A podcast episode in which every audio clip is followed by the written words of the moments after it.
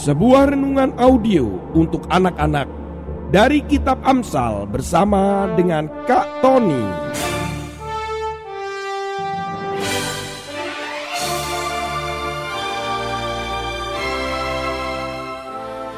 Audio Inspiring Message for Kids. Selamat menikmati dan mendengarkan.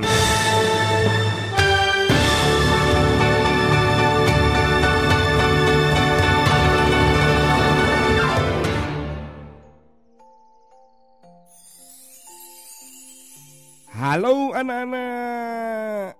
Wah, pasti hari ini kalian luar biasa segar dan siap mendengarkan renungan pada hari ini. Dan firman Tuhan akan menguatkan kalian, menuntun, serta memberikan hikmat di dalam menjalani kehidupan ini. Pernah nggak kalian bayangkan bahwa manusia itu bisa berada di luar angkasa? Apalagi manusia bisa berada di bulan Bahkan sekarang ini misi daripada para peneliti dan para ahli-ahli sedang mempersiapkan manusia itu untuk bisa tinggal di planet lain.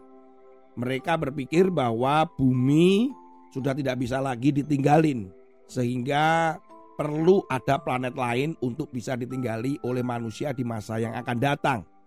Itu demikian adalah sebuah penelitian dan usaha-usaha manusia yang sudah direncanakan anak-anak. Nah, pernah membayangkan atau tidak bahwa bagaimana sebelum manusia bisa naik atau terbang ke angkasa, tepatnya di luar angkasa.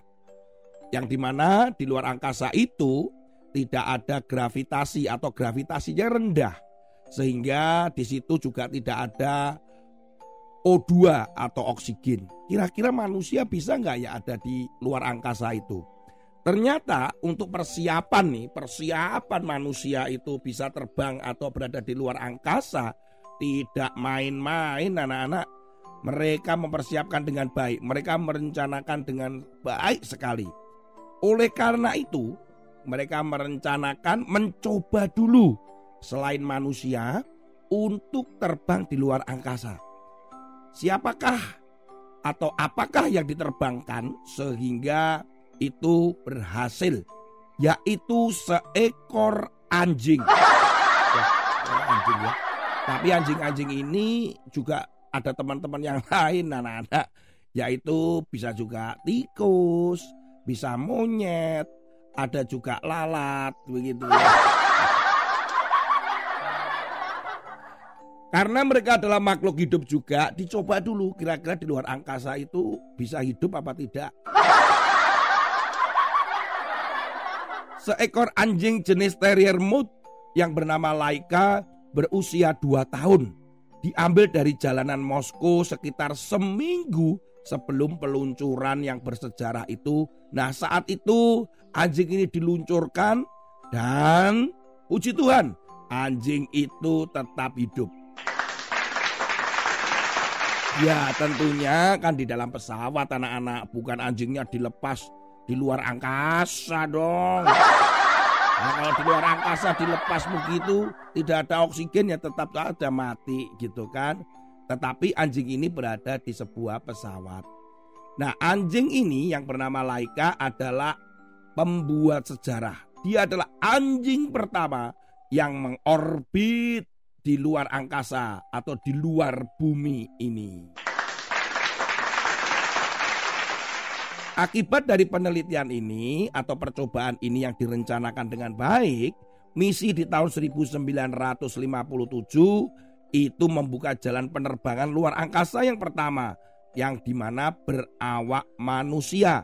Dari percobaan yang pertama itu dengan menerbangkan si Laika ternyata membuka kesempatan bagaimana manusia bisa terbang keluar angkasa yaitu pada tahun 1957 oleh kosmonot Rusia yaitu Yuri Gagarin.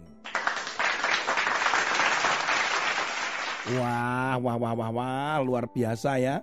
Manusia ini sangat hebat. Bahkan Kak Tony mendengarkan berita baru-baru ini ada loh wisata menuju luar angkasa.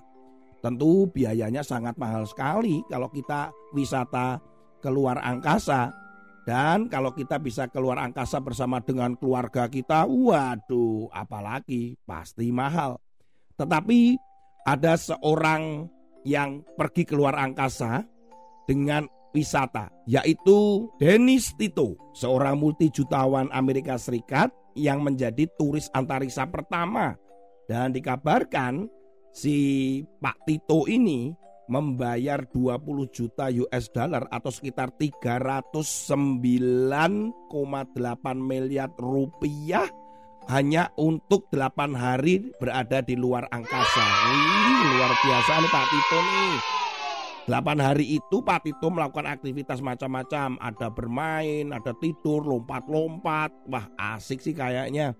Apa yang dilakukan oleh para ahli dan Tito yang sempat ada di luar angkasa pertama kali untuk wisata itu tidak lepas dari peran si Laika. Yaitu si anjing itu tadi. Karena memang itu pertama kali bisa nggak makhluk hidup berada di luar angkasa. Anak-anak, ini berbicara tentang rencana. Bahwa tidak bisa tiba-tiba dilakukan. Tetapi harus dengan perencanaan atau direncanakan segala sesuatunya dengan baik supaya menghasilkan hasil yang baik.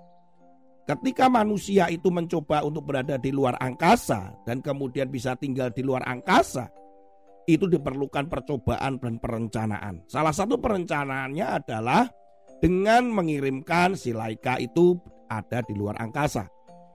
Nah, kita sekarang melihat bagaimana rencana-rencana hidup kita ke depan.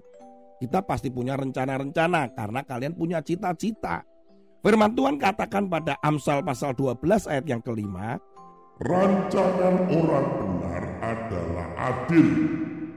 Tujuan orang fasik memperdaya. Firman Tuhan hari ini mengatakan bahwa kita ini harus perlu rencana-rencana. Nah, karena kalian ini adalah orang-orang anak-anak yang benar. Kak Tony juga demikian maka rencana-rencana kita itu adalah adil.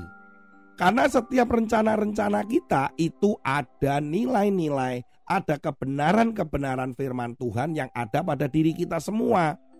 Jadi apa yang kita rencanakan itu harus seiring, harus sama seperti yang Tuhan mau rencanakan di dalam hidupmu. Oleh karena itu rancangan-rancangan Tuhan itu dikatakan itu membawa damai sejahtera. Rancangan-rancangan Tuhan bagi kita semua bukanlah rancangan-rancangan kecelakaan, tetapi selalu rancangannya adalah damai sejahtera. Rancangan-rancangan kita yang bersama dengan rancangan-rancangan Tuhan itu adalah rancangan yang adil juga. Tetapi biasanya orang-orang yang jahat, orang yang fasik, orang yang masih berbuat dosa, itu rancangannya selalu berusaha untuk mencelakai orang, menindas orang, melukai orang, atau merusak orang lain. Tetapi kalian, Kak Tony, bukan demikian. Kita semua punya rancangan-rancangan yang baik, yang adil.